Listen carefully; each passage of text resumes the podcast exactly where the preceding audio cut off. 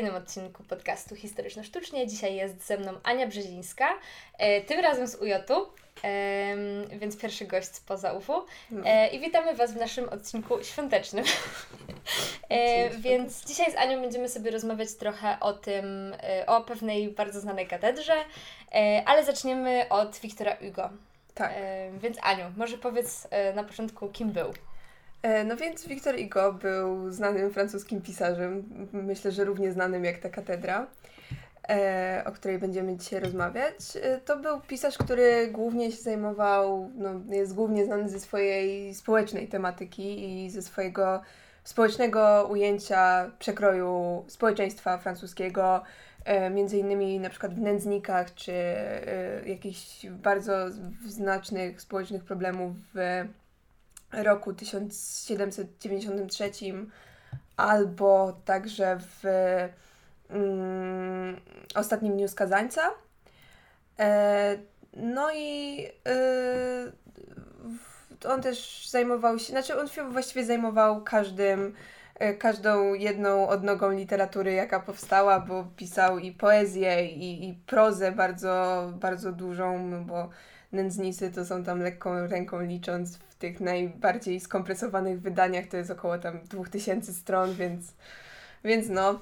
E, no i też tworzył dzieła teatralne, które są generalnie oceniane jako jego najgorsze dzieła. Niestety. E, no i faktycznie to są takie, takie, mm, takie dramaty, które można sobie wziąć do samolotu i poczytać gdzieś tam. Także e, no to z tego typu literatura, natomiast nędzników do samolotu raczej się nie weźmie, bo, się, bo bagaż przeciąży. E, no i e, ale książką, o której no, dzisiaj chciałabym mówić, no nie, jest, nie są ani nędznicy, ani rok 1793, chociaż też tam jest coś ciekawego o architekturze. Dosłownie, znaczy mm, głównie o płonącej architekturze. e, tylko, też w temacie trochę. No też w temacie trochę, bo ta bardzo znana katedra również spłonęła mm, nie tak dawno temu. E, ale chciałabym dzisiaj mówić o jego książce Katedra Marii Panny w Paryżu. E, no i dlaczego, dlaczego Katedra Marii Panny w Paryżu w podcaście o sztuce? No bo katedra jest główną bohaterką tej książki, to znaczy katedra gotycka i zjawisko gotyku francuskiego głównie. no i mm, jest tam bardzo dużo teorii architektonicznych, które Wiktor Hugo sobie wypracował na podstawie tego, co przeczytał i tego, co pomyślał. E, więc trochę działał jak my, to znaczy oceniał zabytki przeszłości w perspektywie tego, co przeczytał i tego, co pomyślał o nich e, i tego, co wiedział. Mm, więc troszeczkę miał tutaj taką metodę historyka sztuki i metodę taką, y, która może być także przydatna nam, możemy się nią zainspirować, mimo że ma ona pewne wady, o których będę później mówić.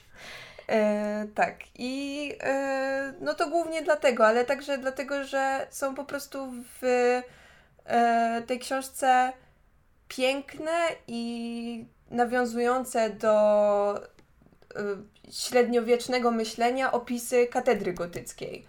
E, nie tylko właśnie takie mm, poetyckie, ale też mające w sobie pewną myśl, którą mieli też ludzie tworzący katedry e, gotyckie. I, I właśnie przez to uważam, że to jest książka ważna dla w sumie wszystkich i każdego bym zmusiła do przeczytania jej, jak pewnie zresztą wiesz, bo nie znasz mnie nie od dzisiaj.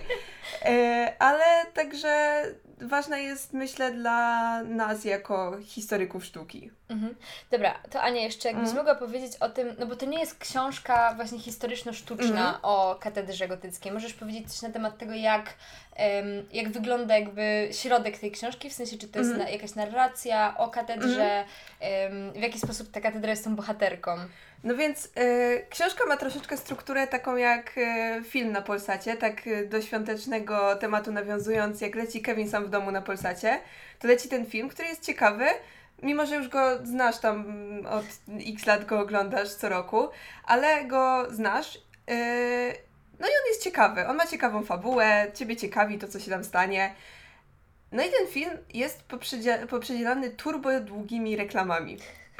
E, I tak mniej więcej działa ta książka. To znaczy, ona ma bardzo wciągającą, bardzo ciekawą fabułę, która dzieje się w roku 1482.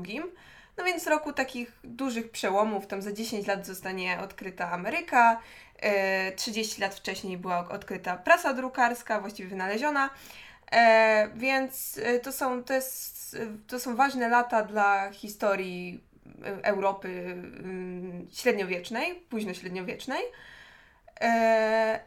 I ta bardzo ciekawa i wciągająca fabuła jest poprzedzielana takimi bardzo długimi esejami na temat różnych rzeczy związanych ze sztuką. Więc jest narracja i są rzeczy związane z sztuką, czy też no, w takim dosyć ograniczonym jeszcze zakresie, ale historią sztuki, czyli jak Wiktor Hugo sobie wyobrażał historię sztuki. Więc yy, książka ma kilku bohaterów, ale najważniejszymi jest, są w sumie archidiakon katedry Marii Panny w Paryżu, czyli Claudiusz Frollo, yy, rycerz, yy, taki lekkoduch, bardzo taki jurny, rubaszny, Febus, Febus de Chateaupers, Um, no i Quasimodo, który jest chyba najbardziej znaną postacią. tej, tej, tej powieści. E, od jakby, tak jak już później powiem o recepcji, no to e, powiem o tym, jak Quasimodo troszeczkę e, zmienił e, myślenie o tej książce i jego postać później była recypowana powiedzmy w późniejszych czasach, jeżeli chodzi o, in, o tłumaczenie tej książki też. Mm, no i tych trzech mężczyzn jest zakochanych w jednej kobiecie, którą jest cyganka Esmeralda, e, która później e, o, nie ok okazuje się, że nie jest cyganką, ale tego można się spodziewać mniej więcej od połowy książki jakoś. Mhm. E, także no jakby wszyscy, wszyscy czytają i czekają na ten moment e, tej rewelacji, która, która wiadomo, że nadchodzi. E, no ale tak w sumie ta książka no nie do końca jest o tym. To znaczy książka ma tytuł Katedra Marii Panny w Paryżu i tak większość rzeczy się dzieje w tej może, katedrze. Może powiedzmy jednak jeszcze tą francuską nazwę, bo myślę, że jest kilka osób, które w tym momencie nas słuchają i mogły jeszcze nie połączyć tych faktów. Tak, to jest, tutaj chodzi o... Chodzi o Notre Dame de Paris. Chodzi o książkę Notre Dame de Paris. E, po polsku jest to przetłumaczone Katedra Marii Panny w Paryżu właśnie. Która jest po e, prostu polską nazwą katedry które... Notre Dame tak. de Paris, tak, tylko że tak, jakby tak, my tylko... ją znamy po prostu, mhm. bardzo często używamy w Polsce też tej francuskiej nazwy, więc tak tylko chciałam powiedzieć jeszcze Do... dla, dla, tych trzech osób, które tam jeszcze nie połączyły faktów. No, więc yy, tak, to jest Notre Dame de Paris, właśnie yy, jak dla mnie to powinien być jedyny tytuł tej książki, który jest używany. Chociaż mm, może y, dla takiego czytelnika, y, który no, nie ma kontaktu na co dzień z językiem mhm. francuskim, to jednak Katedra Marii Panny w Paryżu jest sensowniejsza, no bo to jest... To jest no jasne, no. tylko że z drugiej strony też chyba w takim ogólnym pojęciu raczej mówi się y, Notre Dame tak. w ogóle też tylko i wyłącznie mm na tą katedrę paryską. I ludzie w momencie, kiedy słyszą Notre Dame, myślą no tak. o tej katedrze e, w Paryżu, a mm tak naprawdę kościołów Notre Dame, czyli jest... po prostu na, tak naszej pa, pani jest mm w Paryżu, znaczy we Francji. We Francji jest bardzo, bardzo dużo. dużo, więc dlatego mhm. tutaj um, to rozróżnienie jest pewnie potrzebne, ale myślę, że, że może być po prostu to nieoczywiste, że, że to jest ten sam mhm. kościół. Przez to, mhm. jak bardzo popularna jest ta francuska nazwa też e, w Polsce. Um, no dobrze, to może jeszcze powiedzmy dwa słowa o samej katedrze, bo mówisz, mhm. że sama, sama akcja książki dzieje się w y, tam XV wieku, mhm. no ale katedra powstaje dużo wcześniej, czyli Katedra. jakby mhm. nie, nie, nie jesteśmy świadkami tego, jak budowana jest katedra, tylko to jest raczej już spojrzenie takie trochę z perspektywy, tak? Mhm, dokładnie, to znaczy e, katedra w książce to już jest katedra właśnie funkcjonująca w tej swojej powiedzmy ostatecznej formie, ale jeszcze przed barokizacją, jeszcze przed. No, czyli to jest taka ostateczna gotycka forma tego kościoła. Natomiast kościół y, został zbudowany tam w XII wieku, chyba w całości został zbudowany w XII wieku. Y, no, fasada w XIII. Mm, fasada jest XIII-wieczna, więc kościół jest przykładem, kościół jako wnętrze jest przykładem wczesnej fazy gotyku. E, o czym też Wiktor Hugo zresztą dosyć mocno mm, do tego nawiązuje, e, mówiąc na przykład, że y, pierwszy, czy kamień węgielny postawił tam y, Hilderyk, a ostatni kamień Filip August, więc no to jest taki, taki przekrój mhm. tej najbardziej, y, najbardziej złotej fazy gotyckiej Francji.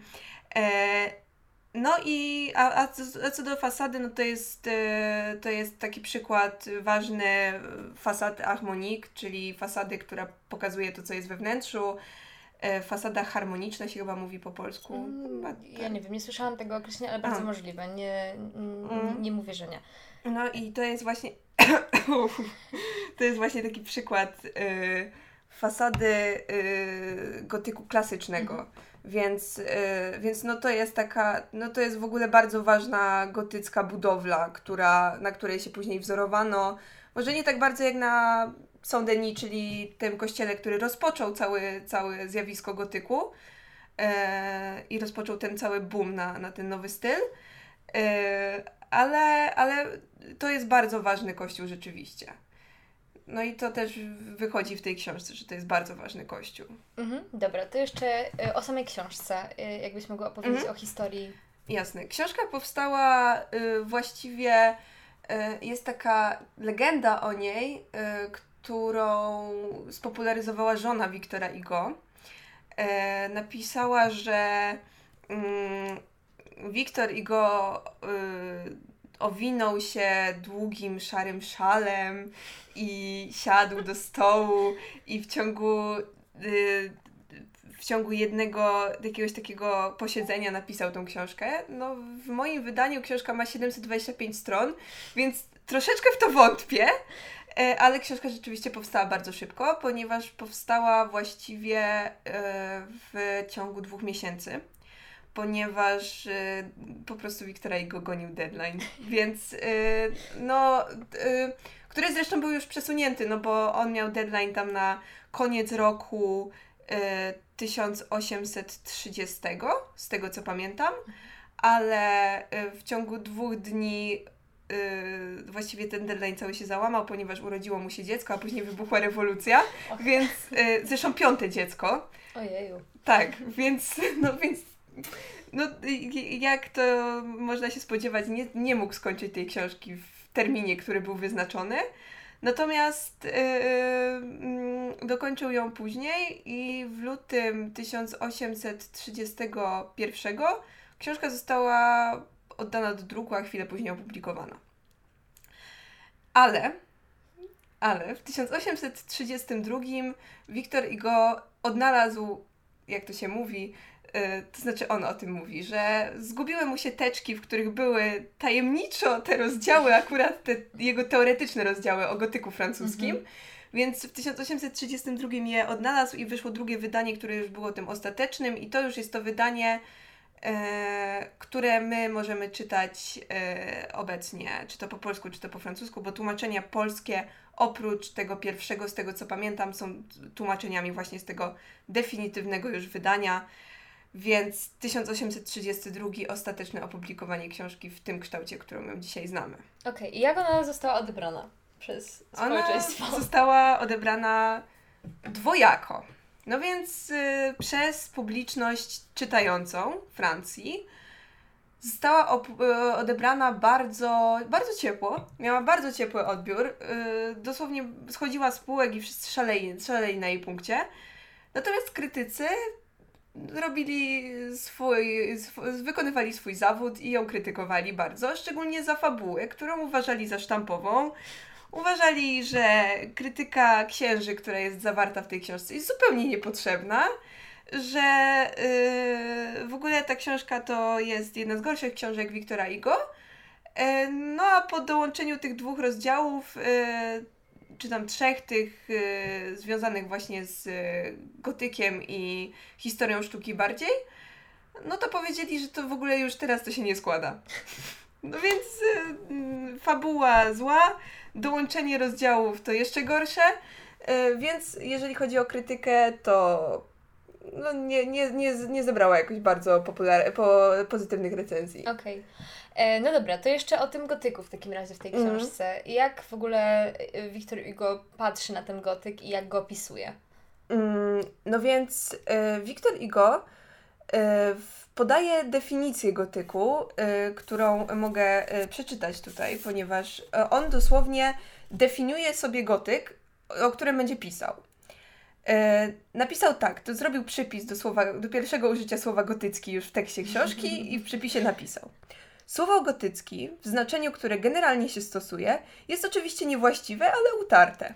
Akceptujemy je więc i używamy, jak wszyscy, żeby scharakteryzować architekturę drugiej połowy średniowiecza, której głównym wyróżnikiem jest łuk ostry i która następuje po architekturze pierwszego okresu, tej epoki, cechującej się łukiem półokrągłym. Więc będzie to wszystko, co ma łuk ostry, to jest gotyckie. Czyli e, historycy sztuki byli w, w, tym samym momencie, w którym my jesteśmy teraz a propos tego, że używanie nazw jakby na epoki nie jest do końca dobre, ale z drugiej no, strony z drugiej i tak strony, to robimy. No właśnie, ale z drugiej strony e, to rozwiązuje pewne dylematy, jeżeli chodzi o pojęcia, o użycia mhm. pojęć, więc no tutaj on y, zrobił bardzo miłą rzecz dla czytelników, y, którzy chcą analizować tę książkę, czyli dosłownie podał definicję tego, jak rozumie gotyk. Mhm. E, ale gotyk dla Wiktora Igo to jest też styl, po pierwsze, narodowy, a po drugie, to jest styl, który przez długie wieki E, był źle odbierany, no jak wiemy, Wazari, styl gotów i w ogóle mhm. beznadzieja. No tak, ogólnie no. jakby renesans przychodzi powiedzmy po tym, jak się, oczywiście mm. to jest dużo uproszczenia, ale jak się mm. średniowiecie kończy i renesans stwierdza, Boże Święty, to co oni tam robili to jest wszystko złe, trzeba do, to wyrzucić, do wracamy do antyku. Mm. To Wiktor Hugo też y, bardzo ładnie zjechał, mówiąc, że gotyk francuski to jest styl narodowy Francuzów, i on ma swoją y, taką formę charakterystyczną dla Francji tylko. Natomiast renesans to już jest styl, który nie wyraża ducha ludu. E, więc i powtarza formę, i jest tam taki piękny fragment, który jest moim, jednym z moich ukochanych fragmentów tej książki, że Michał Anioł postawił Panteon na Partenonie i w ten sposób stworzył projekt Bazyliki Świętego Piotra w Rzymie. Więc więc o renesansie europejskim e, Wiktor Igo ma dosyć e, no, negatywną opinię, lekko mówiąc.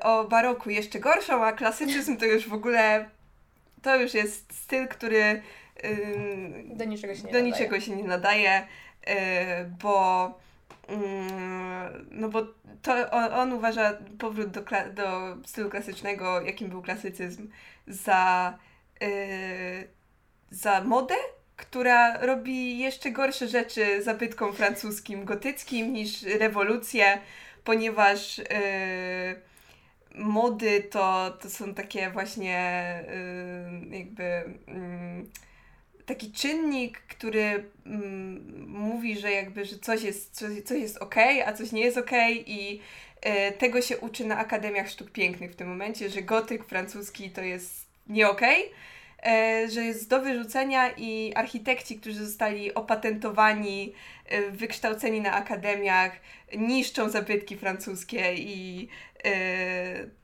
zastępując gotyckie koronki cykoriami Ludwika XV dla większej chwały Partenonu. To napisał o, o studentach Akademii, weź to pod uwagę także w swojej pracy. Um, no tak. No. Um, to jest w ogóle ważna część tej książki, prawda? Mm. Ten taki um, wątek właśnie renowacyjny i tego, tak. w jaki sposób traktuje się tą mm. architekturę średniowieczną. Możesz ten wątek jakoś rozwinąć? Oczywiście. Yy, więc Wiktor Igo yy, bardzo słusznie zauważył, że katedra po rewolucji francuskiej yy, i po jakichś tam znaczy no, renowacjach, konserwacjach, po prostu naprawach, które oni uważali za konieczne w tamtym czasie, o czym obecnie y, historycy sztuki wypowiadają się raczej niepozytywnie, no ale y, w tamtym czasie nie, nie istniała jeszcze konserwacja jako taka, to trzeba powiedzieć, bo nie ma jeszcze czegoś takiego, nie ma jeszcze słowa konserwacja, konserwacji się nie uczy na akademiach. To jest po prostu coś, co oni uważali, że było konieczne jako naprawa budowli. Mhm. E, naprawa w różnym znaczeniu, no bo naprawą według kościoła po Soborze Trydenckim była też ozdobienie y, kościołów gotyckich jakimiś barokowymi ołtarzami, czy no to też była, też była naprawa, to znaczy dostosowanie kościoła do nowej funkcji. Natomiast y, naprawą też jest y, taka renowacja, która zakłada na przykład obcięcie gotyckiej sygnaturki, czyli wieżyczki z dzwonkiem na przecięciu naw kościoła, i wstawienie w, te, w to miejsce takiego plastra z ołowiu. A zrobiono to, ponieważ ta gotycka sygnaturka się y, sypała po prostu i była zagrożeniem. E, natomiast, e, natomiast e, jeżeli chodzi o rzeźby, to strąciła je rewolucja, no tam ludzie po prostu przyszli i zobaczyli, o królowie, no to wywalamy, o Jezus Chrystus jeszcze gorzej, to również wywalamy. E, no więc, e, no i Wiktor go zauważa bardzo słusznie, że e, tej katedrze brakuje kilku rzeczy. Dosłownie pisze o tym tak. Trzech ważnych rzeczy brakuje dzisiaj tej fasadzie. Po pierwsze, 11 stopni, które podnosiły ją niegdyś ponad powierzchnię ziemi. Następnie dolnej serii posągów, które zajmowały nisze trzech portali, a także górnej serii 28 najdawniejszych władców Francji, która zdobiła galerię pierwszego piętra od Hilderyka do Filipa Augusta, trzymającego w ręce jabłko królewskie. Więc o tym pisze, że, to, że tego właśnie brakuje. Co do tych 11 stopni, to ich nigdy nie było.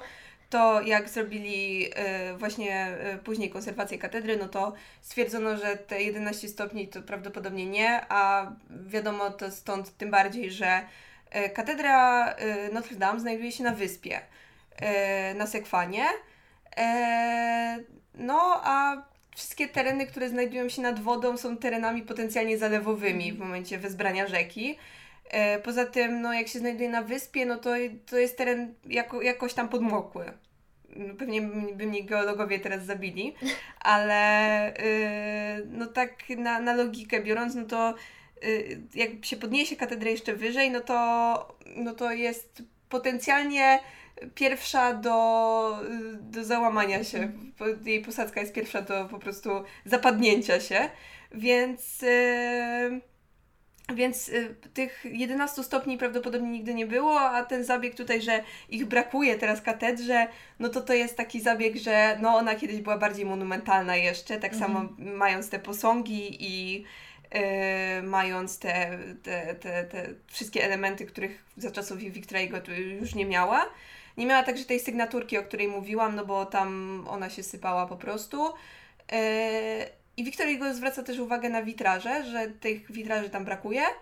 E, a witraży brakowało dlatego, że w XVIII wieku był taki trend, że w kościołach gotyckich jest za ciemno, więc po prostu wymieniano witraże na takie białe okna, przez które e, lepiej przenikało światło no to to jest, to jest rzecz, która, która już y, jakby no, nie tylko w katedrze Notre Dame się stała. Mhm. E, no i to była taka właśnie konieczna naprawa.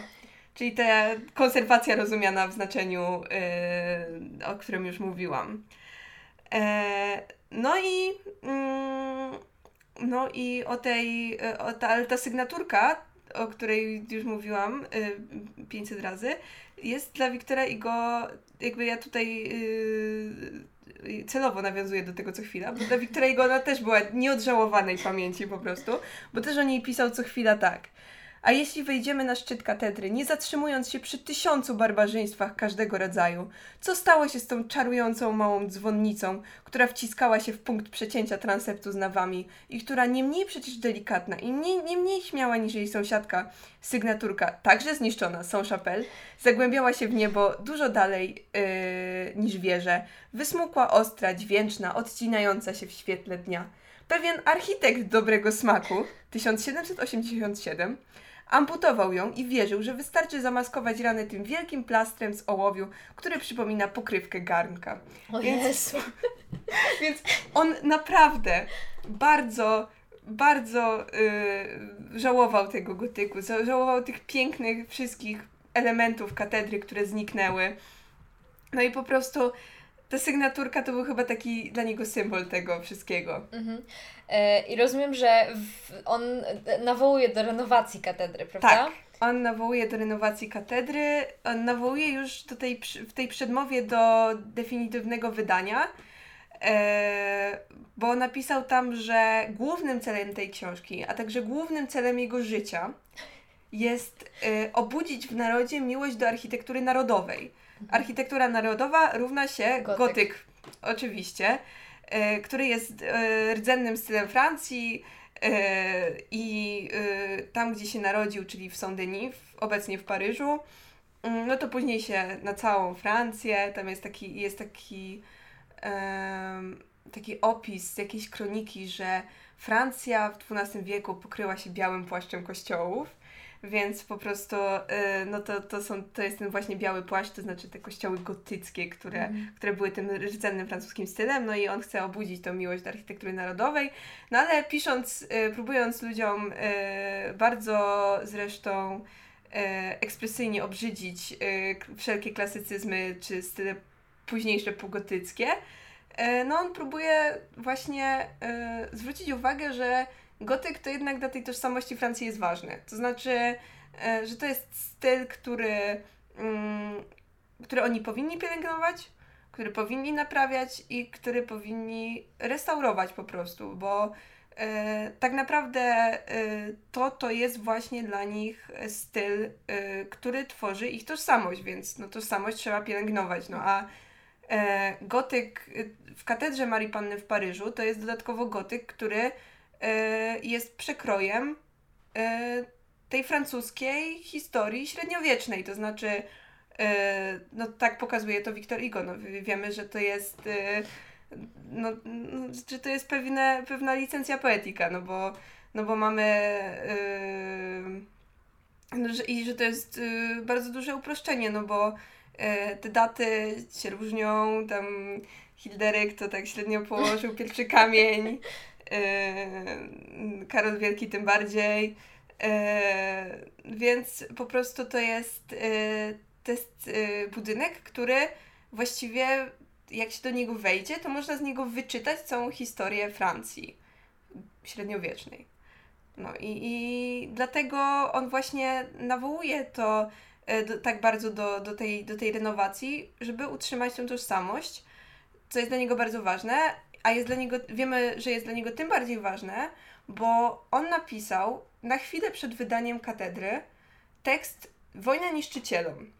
Tekst Wojna niszczycielom to jest takie bardzo piękne i bardzo ekspresyjne wyliczenie wszystkich zniszczeń, które zostały wykonane y, przez y, rewolucjonistów oraz przez renowatorów y, w czasie istnienia gotyku francuskiego.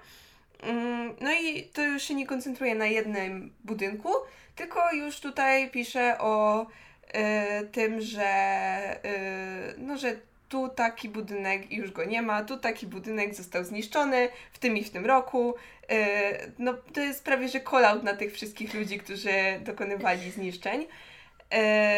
I ten tekst, mm, on został napisany przed katedrą. Wiemy o tym między innymi ze zdania E, który, który pada w tym tekście, o tym temacie warto byłoby napisać całą książkę. Co Wiktor Hugo zrobił? E, a tekst został wydany w 1832 roku, mhm. więc wtedy, kiedy Wiktor Hugo był już przekonany, że temat siadł, bo książka została dobrze odebrana przez publiczność mhm. i że można wydać ten tekst. To, był, to było kapitalne posunięcie po prostu takie polityczne. Mhm. Y, I on w trakcie opisywania całej tej architektury gotyckiej i w ogóle mm. jakby ten, wypracowuje też teorię architektoniczną, mm -hmm. taką mhm. swoją własną. Jakbyś mogła coś o tej teorii powiedzieć.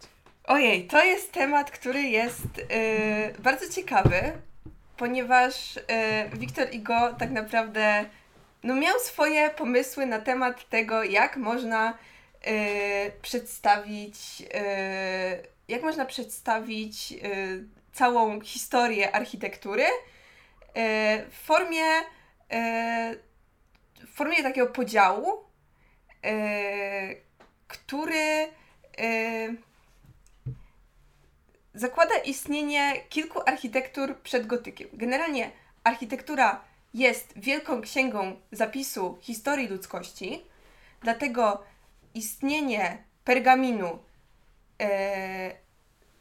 sprawia, że, ta, że, że architektura jako e, pergaminu, istnienie ksią książki drukowanej e, sprawia, że zmienia się sposób zapisu historii ludzkości. To znaczy, architektura już nie jest, y, już nie jest takim y, głównym medium funkcjonowania y, historii, to znaczy zapisu też historii. Już ona staje się powtarzalna, no bo nadchodzi klasycyzm. Natomiast przed gotykiem architektury funkcjonowały jako wielkie księgi zapisu historii ludzkości. Mhm. Mówię architektury, bo on wylicza kilka rodzajów architektur. Więc e, głównym kryterium podziału jest to, czy głównym odbiorcą i twórcą architektury był lud, czy jakieś tam struktury związane z kościołami, wyznaniami, mhm. religiami.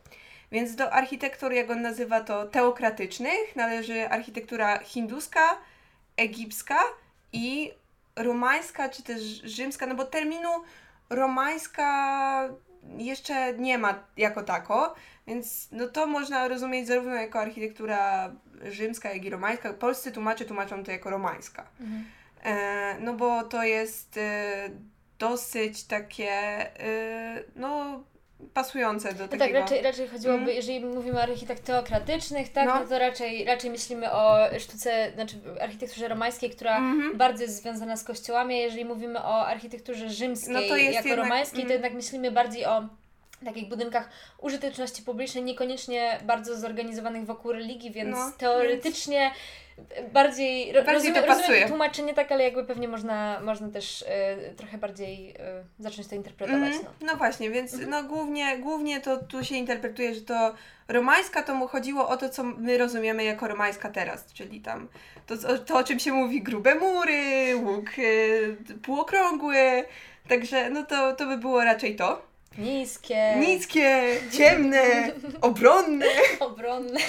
Tak, i potem się patrzy na klini 3 i jest mały ząg, bo to w ogóle nie pasuje, ale, ale no dobrze, niech będzie. Niskie, obronne, grube mury, małe okna. E, no i mm, Wiktor Igo w tej całej swojej e, tam teorii ma też drugą, drugą kategorię archit architektur, czyli E, architektury demokratyczne, do których należy fenicka, grecka, no i właśnie gotycka. No i układa to tak, że można to przedstawić za pomocą takiej sinusoidy. E, dla Państwa, którzy nas e, oglądają, będzie widoczna ta sinusoida, mam nadzieję. Będzie, wkleję. Super. Tylko musisz ją wysłać. Oczywiście, wyślę Ci ją. Więc będzie, będzie widoczna sinusoida. Mm, no i... Tak jak na polskim. Dokładnie. Dokładnie. I to, to można tak przedstawić, znaczy moim zdaniem, bo to bardzo ładnie wizualnie o, o, także oddaje to, co on uważał za wyższe i niższe. To znaczy na, na dole jest ta architektura teokratyczna, natomiast na górze mhm. jest architektura demokratyczna oczywiście. E, no bo mamy e, tam, że jest tak dokładnie napisane, że e, w architekturze hinduskiej w architekturze egipskiej i romańskiej jest wyczuwalny tylko kapłan, Bóg i to jest tylko dla właśnie Boga zrobione. Natomiast y, w architekturze fenickiej jest wyczuwalny kupiec, w architekturze greckiej no to filozof albo ewentualnie obywatel. Natomiast w architekturze gotyckiej no to jest wyczuwalny lud właśnie, który pisze swoją historię na murach wielkich katedr. Jest to teoria bardzo ryzykowna, e, no ale to mu pasowało do tego, że no to były właśnie takie księgi, w których zapisywały mhm. się różne teorie filozoficzne i e, społeczne e, tych, tych ludów, o których on pisze. E, można dyskutować na przykład, jeżeli chodzi o to, czym jest architektura hinduska dla niego ale to już ale nie, może... to jest te, temat na osobny podcast. E, tak samo jak co to jest architektura fenicka, czy też grecka. Mhm. E, no ale, ale no tak uważał i no trudno coś z tym zrobić, bo to mu pasowało właśnie do tego, że, że to zabiło tamto, czyli ta książka drukowana zabiła książkę kamienną. Mhm. I właśnie to była taka jego główna teoria. No i mm, przedstawił to w ten sposób. obecnie też się tworzy sinusoidy w historii sztuki. Więc może ta też jest jakąś metodą pracy. Poza tym ona jest w sumie bardzo innowacyjna, bo patrząc na to, jak kształtowano historię sztuki w tamtym czasie, czy jak myślano o historii sztuki w tamtym czasie, mm, no to to nie jest to nie jest takie złe jak na tamte czasy. Wręcz to jest bardzo dobre i bardzo innowacyjne myślenie, bo porównywanie, metoda porównawcza, że tutaj jest jakaś tam architektura i ona ma jakieś cechy, tutaj jest jakaś architektura i ona ma jakieś cechy e, i ona jest, wygląda nowocześniej niż ta poprzednia architektura, o której mówiłem, no to jest metoda dosyć, jak na interpretację historii, sensowna, mhm. tak myślę.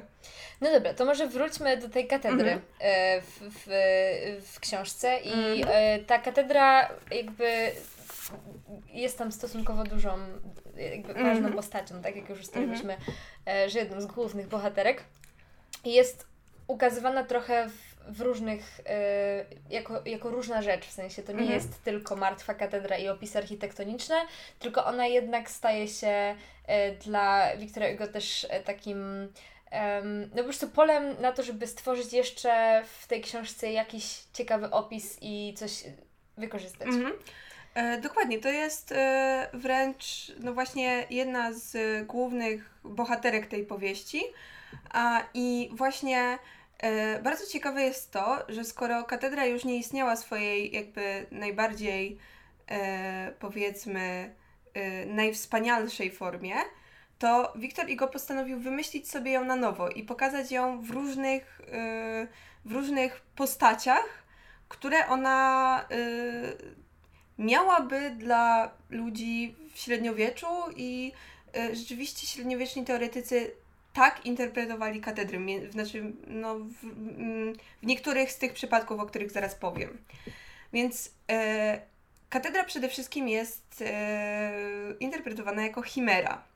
To znaczy dosłownie jest tam eksplicite użyte słowo chimère, czyli to, co byśmy rozumieli jako chimera obecnie. E, co będzie ważne jeszcze później, więc e, to jest ważne do zapamiętania. No i Wiktor Hugo pisze o tej katedralnej chimerze w ten sposób.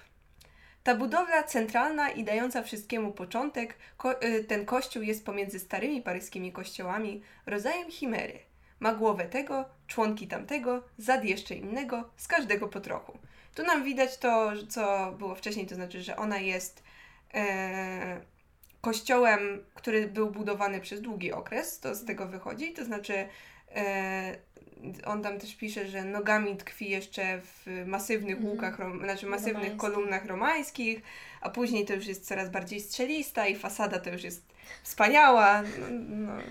Więc y, tutaj nam się ukazuje ten proces historyczny, o którym on pisał. To znaczy, że ktoś tam zaczął, ktoś tam skończył, no i to jest właśnie to przedstawienie historii, ta kamienna księga, z której można właśnie przeczytać historię.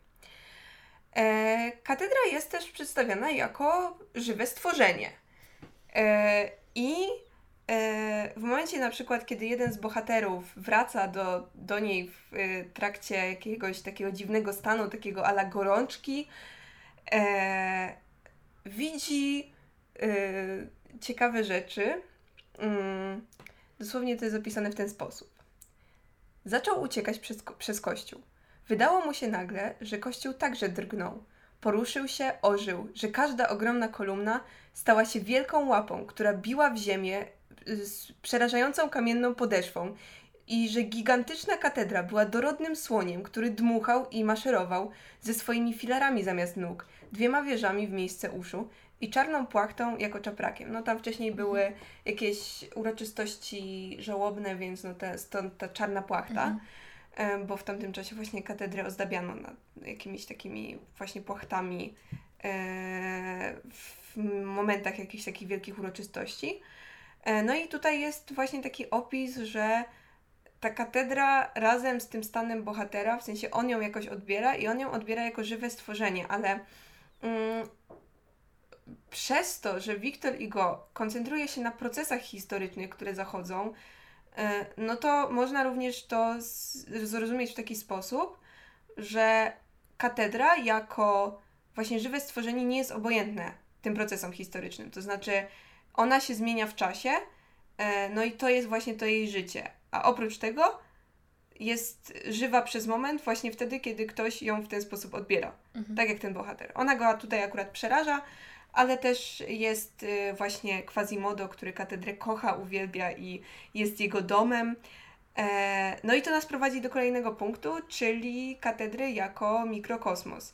I tutaj będzie długi fragment, ale ja go uwielbiam po prostu. Jest to przepiękny fragment. E, I ja go polecam przeczytać sobie w całości właśnie po polsku, bo tutaj jest dosyć mocno obcięty. E, no i to jest jeden z najładniejszych w ogóle opisów w tej książce. Tak właśnie, krok po kroku, rozwijając się zawsze we wnętrzu katedry, żyjąc w niej, śpiąc w niej, nie wychodząc z niej prawie nigdy, znosząc jej tajemniczy nacisk, skończył przypominając ją, inkrustując ją, tworząc jej partię integralną. Można nawet powiedzieć, że przyjął jej formę, tak jak ślimak przyjmuje formę swojej muszli. Miał dla starego kościoła tyle sympatii instynktownej i głębokiej, tyle magnetycznych połączeń, tyle materialnych połączeń, że połączył się z nim niczym żółw ze swoją skorupą. Nie ma sensu wspominać także, do jakiego stopnia zapoznał się z katedrą podczas tego długiego i intymnego współmieszkania. Wieże, po których zewnętrznej y, powierzchni często się zsuwał, niczym jaszczurka, ta dwójka gigantycznych bliźniaków, tak wysokich, tak groźnych, nie powodowały u niego ani zawrotu głowy, ani przerażenia, ani ogłuszenia. Jego katedra mu wystarczała. Była zaludniona figurami z marmuru, królami, świętymi, biskupami, które przynajmniej nie wybuchały mu śmiechem w twarz i nie miały dla niego nic prócz spokojnego i życzliwego spojrzenia. Inne statuły, te przedstawiające potwory, nie nienawidziły go. Zbytnio je przypominał. I jego katedra była mu, yy, nie była mu tylko społeczeństwem, ale jeszcze kosmosem, ale jeszcze całą naturą. Nie marzył o innych łąkach niż zawsze rozkwitnięte witraże, o innym cieniu niż tym, który dawało mu to listowie z kamienia, innych górach niż kolosalne wieże kościoła, innym oceanie niż Paryż, który huczał u jego stóp. Jest to opis właśnie, który pokazuje, że katedra nie tylko jest e, budynkiem, ale może być przede wszystkim no, mieszkaniem bohatera, mhm. E, z którym on jest zrośnięty i który, on ma, e, które ma jakąś tam formę, która przypomina niektóre przynajmniej rzeźby z tego kościoła, co jest w ogóle strasznie okrutnym opisem, no bo jak się pomyśli o takich gargulcach, o których zaraz jeszcze będziemy mówić, no to no to jest to takie no, kontrowersyjna teza. E, ale też to nas prowadzi do takiego bardzo ważnego pojęcia o katedrze w średniowieczu. Katedra była dla ludzi średniowiecznych, e, miała być przynajmniej mikrokosmosem, no bo skoro Bóg stworzył świat, no to ten świat jest jakiś w odpowiedzi na to, co on tam sobie wymyślił. No i ta katedra powinna być odzwierciedleniem, bo skoro w środku jej jest Bóg, no to to jest taki jakby świat w świecie. no właśnie. Mhm. E, I tak to rozumieli też średniowieczni teoretycy, e, że katedra powinna być właśnie odzwierciedlać ten świat, więc były tam kolumny jako tam roślinność, e, witraże jako no, tam takie media, przez które miało przenikać to mistyczne światło, mhm. tak? Mm, bo ten wątek świetlny też jest ważny, jeżeli chodzi o gotyk, no bo Bóg to światło, światło wiary. E, no tak o tym pisał też Sugeriusz, który był twórcem, twórcą pierwszej koncepcji średniowiecznej katedry takiej całościowej. Tak, stąd też się wzięły w ogóle te takie wielkie mm. okna, tak, tak, tak, które, tak. które miały pozwalać na to, żeby to właśnie mistyczne światło zalewało mm. trochę ten, e, to wnętrze kościoła, które też było właśnie projektowane mm. w mhm. taki sposób, żeby wierny, który wchodzi też jakby przez, przechodzi przez cały ten kościół, mm -hmm. to też jest ważna rzecz, jakby miał to doświadczenie tego, że wchodzi przez wejście, które jest pewnego rodzaju takim czyśćcem wręcz mm -hmm. i jakby przechodzi i może dojść do tego ołtarza, który, który jest jakby tą kulminacją, który też jest odgrodzony. Y, sklepienie też miało swoją taką ważną funkcję m, takiego E, to już zależy od kościoła też, mm. jakby zależy od tego, jak architektura była projektowana, ale bardzo często właśnie um, sklepienie było odzwierciedleniem tego nieba, a kolumny były takim elementem, który miał do tego nieba prowadzić. Mm -hmm. Tam często były umieszczane na przykład rzeźby ewangelistów, tak? którzy mm -hmm. mieli być takim um, łącznikiem między właśnie tym niebem a ziemią, tak? Czyli ta architektura gotycka, ona jest bardzo taka ym, narracyjna. Mhm. Ona jest bardzo narracyjna i to tutaj też y, widać, no bo też y, właśnie to zaludnienie figurami z marmuru y, jeżeli chodzi o Paryż, no to tam, tam, tam nie bardzo. Nie bardzo marmur, bardziej e, wapień miejscowy wydobywany no, gdzieś tam w Ile-de-France, e, z którego też jest zbudowana katedra Notre Dame, e, tak notabene. No ale e, mamy tutaj właśnie opis tego zaludnienia figurami. E, z jednej strony tych pięknych świętych, a z drugiej strony jakichś brzydkich monstrów, które zwykle były jednak na zewnątrz mhm. katedry, mhm. no bo te takie y, diabły zostają na zewnątrz, ich mhm. wewnątrz nie ma. No to też jest ważna, ważna informacja. Y, no i też y, rzeczywiście katedry były też projektowane właśnie jako takie mikroświaty. Y, między innymi właśnie jeżeli chodzi o rzeźbę zewnętrzną, to tam były jakieś zwierzątka, E, na przykład na katedrze w Amiens jest taki piękny jeżyk, e, także e, no rzeczywiście katedry gotyckie były takimi miejscami, gdzie można było sobie pooglądać różne rzeczy. No i to z jednej strony było wiadomo dla ozdoby, ale z drugiej strony miało też edukować, no bo ta koncepcja Biblii dla ludzi, którzy nie umieli czytać, E, to też jest tutaj ważna. No i ten sąd ostateczny, na przykład nad wejściem, to miało pokazać, co, co się dzieje po drugiej stronie, tak? Mhm. Więc, e, więc tutaj ta, e, ta katedra nie dość, że jest pięknie opisana, to ona jeszcze jest opisana tak, jakby ją być może opisali średniowieczni teoretycy katedry, czy też mhm. teoretycy architektury, czy też filozofowie związani właśnie z kościołem większość filozofów średniowiecznych. E, no i tak już e, podsumowując te wątki, jeżeli chodzi o katedrę, no to katedra była dla Wiktora Igo, co już można było wyczytać z poprzedniego mhm. omawianego przeze mnie punktu. Katedra była kamienną księgą. I to jest, e, nie dość, że w tym rozdziale to zabije tamto, jest to po prostu powiedziane, to jest to włożone w usta bohatera. Mm. Dosłownie fragment jest taki, że do Klaudiusza Frollo, czyli do archidiakona katedry, yy, przychodzi jego, znaczy no, podobnie wykształcony człowiek, no i go pyta. Na mą duszę, czym są więc Twoje książki? Oto jedna z nich, powiedział archidiakon.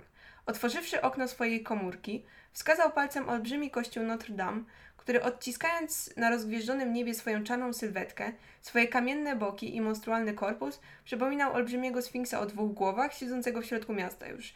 E, jakby abstrahując od tego, że tu jest e, kościół opisany jako sfinks, mm, no to mamy tutaj dosłownie powiedziane, to jest moja książka, ta katedra to jest moja księga. Mhm.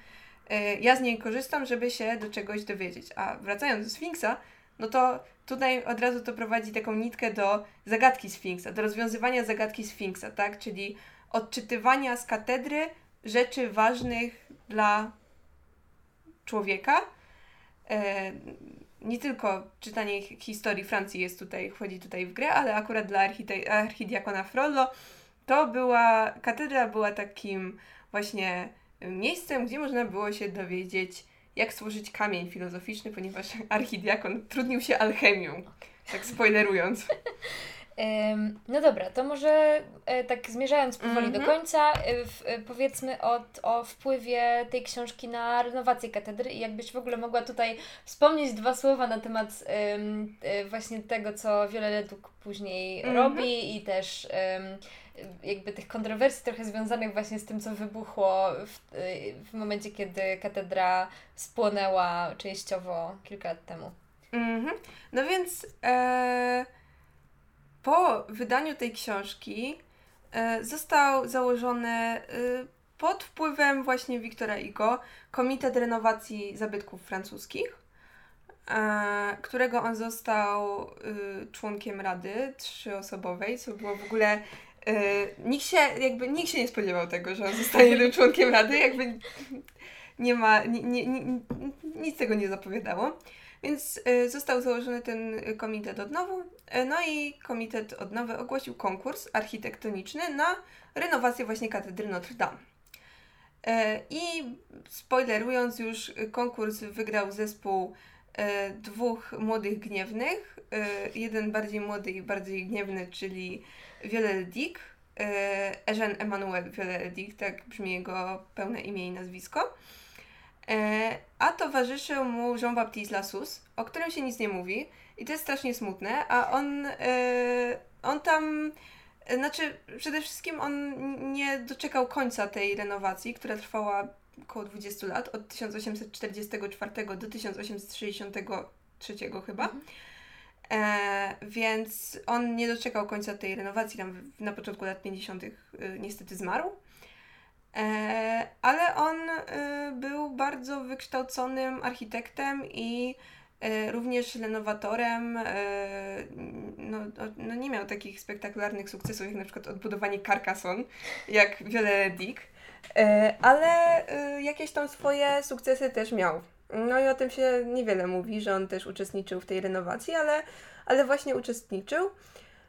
No i oni przedstawili taki program, Mm, renowacji katedry, która opierała się przede wszystkim na odnowieniu trzech portali głównych, znaczy no trzech portali tych y, po stronie zachodniej, od, y, całkowitym y, od, jakby mm, dołożeniu tych rzeźb w Galerii Królewskiej, mhm. to znaczy oni po prostu mieli, nie mieli korzystać z tych tam szczątków, co zostały odnalezione. Zresztą te szczątki odnalezione zostały kilkadziesiąt lat po zakończeniu renowacji, więc um, oni po prostu y, stwierdzili, że na podstawie y, ikonografii stworzą od nowa i rzeźby z tych portali i te postacie z Galerii Królewskiej. Mhm. E, a poza tym, jeżeli chodzi o partię dachową, no to mieli y, wyrzucić tą, ten kawałek ołowiu, który przypominał pokrywę garnka e, i wprawić tam całkiem nową sygnaturkę zaprojektowaną na podstawie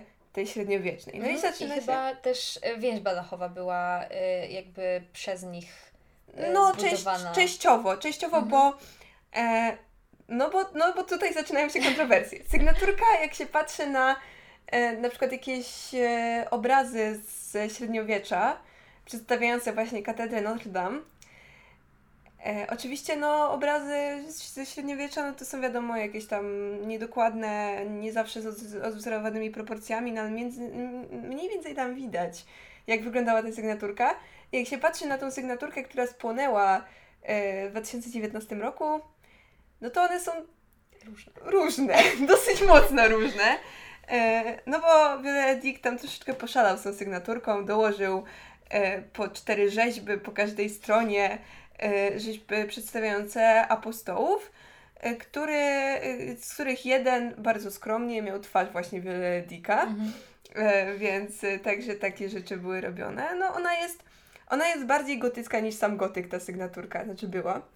E, no ale chyba będzie, bo tam chyba... Tak, chyba, chyba mają odnawiać tak jak na, było. Na podstawie, na podstawie... projektu Wieloletnika. Tak, ale właśnie problem był taki, że e, w momencie, kiedy w tym 2019 mm. ta katedra zaczęła płonąć i ludzie zaczęli w internecie pisać, to zanim e, historycy sztuki i historycy w ogóle wyprostowali trochę e, no. narrację, to mam wrażenie, że wszyscy myśleli, że płoną elementy właśnie te dwunastowieczne, mm -hmm. a większość tego, co zostało zniszczone, to jednak był chyba XIX wiek. Dokładnie tak. To znaczy wieźba dachowa, y, większa jej partia, y, zarówno z partii nawowej, jak i transeptu, mm -hmm. to była y, rzeczywiście XIII-wieczna więźba okay. dachowa, ale środkowy fragment y, jej był wymieniony, no bo ta ta nowa sygnaturka była po prostu za ciężka tak, i wieźba by się... tak, i wieź... fragment pod... Tak, wieźba by się załamała po prostu pod tym ciężarem. E, no oprócz tego no te, te rzeźby portalowe i rzeźby z Galerii Królewskiej zostały tam doprawione. Ale polecam je sobie pooglądać, bo jest tam ciekawie. Na Wikipedii francuskiej, jak się wpisze Notre Dame, to jest takie bardzo fajne, długie zbliżenie na na tą galerię królów. Jak i tam... ktoś nas ogląda na YouTubie, to no. zrobimy taki najazd tak. teraz. Tak. I, I jak ktoś tam, jak, jak się tam poprzybliża, no to najciekawsze rzeczy dzieją się z dłońmi tych królów. One są fantastyczne, na przykład dłoń dwa razy większa niż twarz, albo takie mm. rzeczy. No, rzeźbiarze, którzy tam pracowali, e, no to, y, no to byli oczywiście jakby wykształceni rzeźbiarze, ale no proporcje czasem tam są e, podziałane, że tak powiem. E, natomiast oprócz tych renowacji, o czym nie do końca było wspomniane w projekcie wykonawczym, Dick postanowił dołożyć do tej, do tej właśnie katedry 54 gargulce.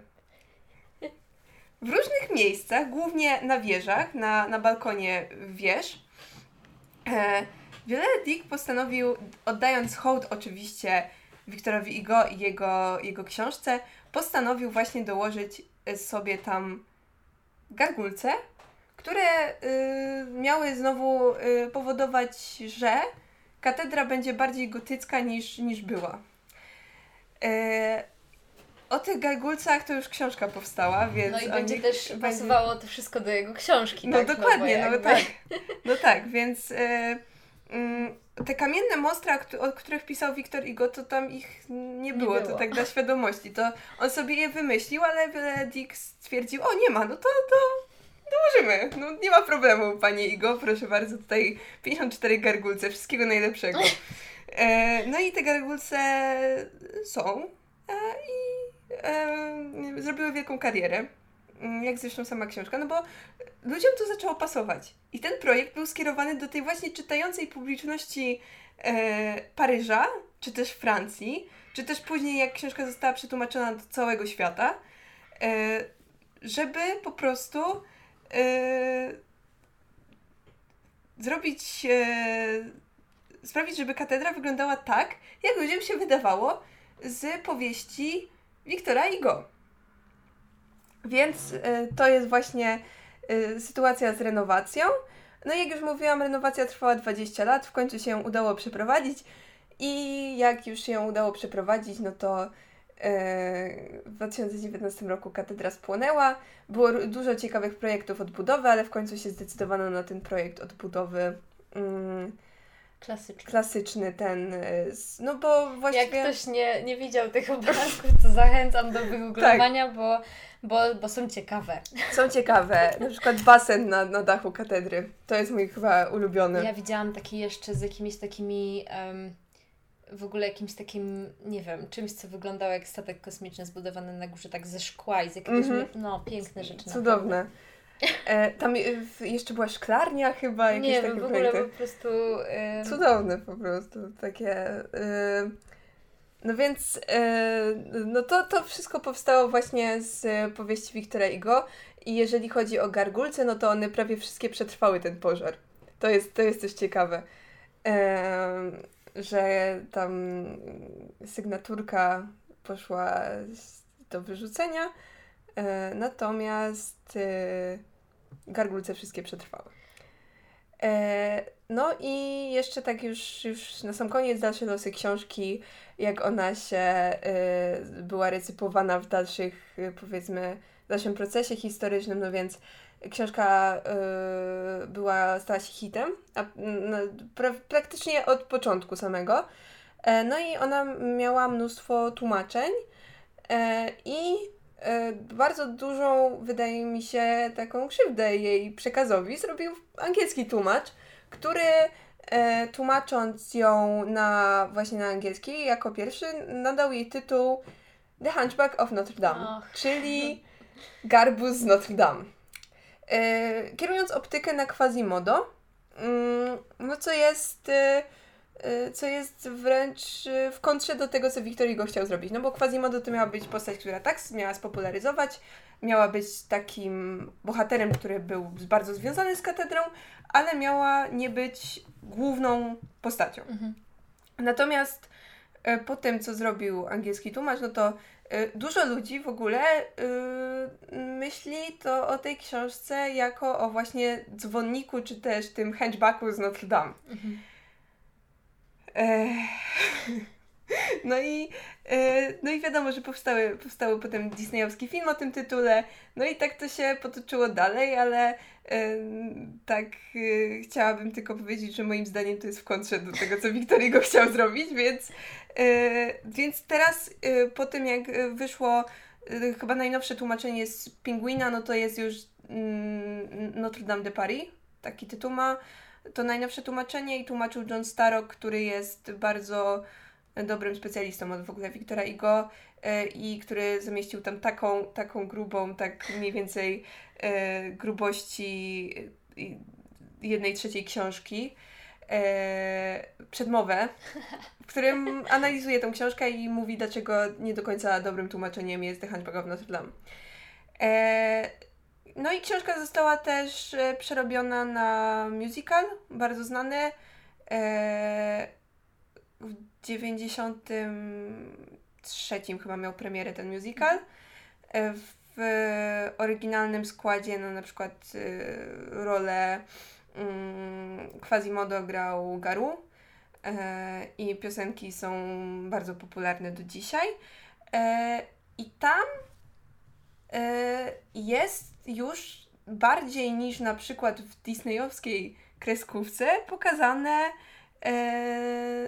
pokazane katedra jako katedra. To znaczy tam jest piosenka Florencja, e, w której mówi się właśnie o tych renesansowych przemianach w Europie Zachodniej. Więc, e, więc ja bardzo szanuję ten musical i on jest godny polecenia, jeżeli ktoś chce zacząć swoją przygodę z Notre Dame de Paris, no to to jest, to jest dobry musical, ale sobie zaspoileruję całą książkę, właściwie całą fabułę. No. Mm, i co jeszcze? No w sumie? Myślę, że tak ładnie zakończyłaś, no. myślę, tą, tą recepcją e, mhm. dzisiejszą.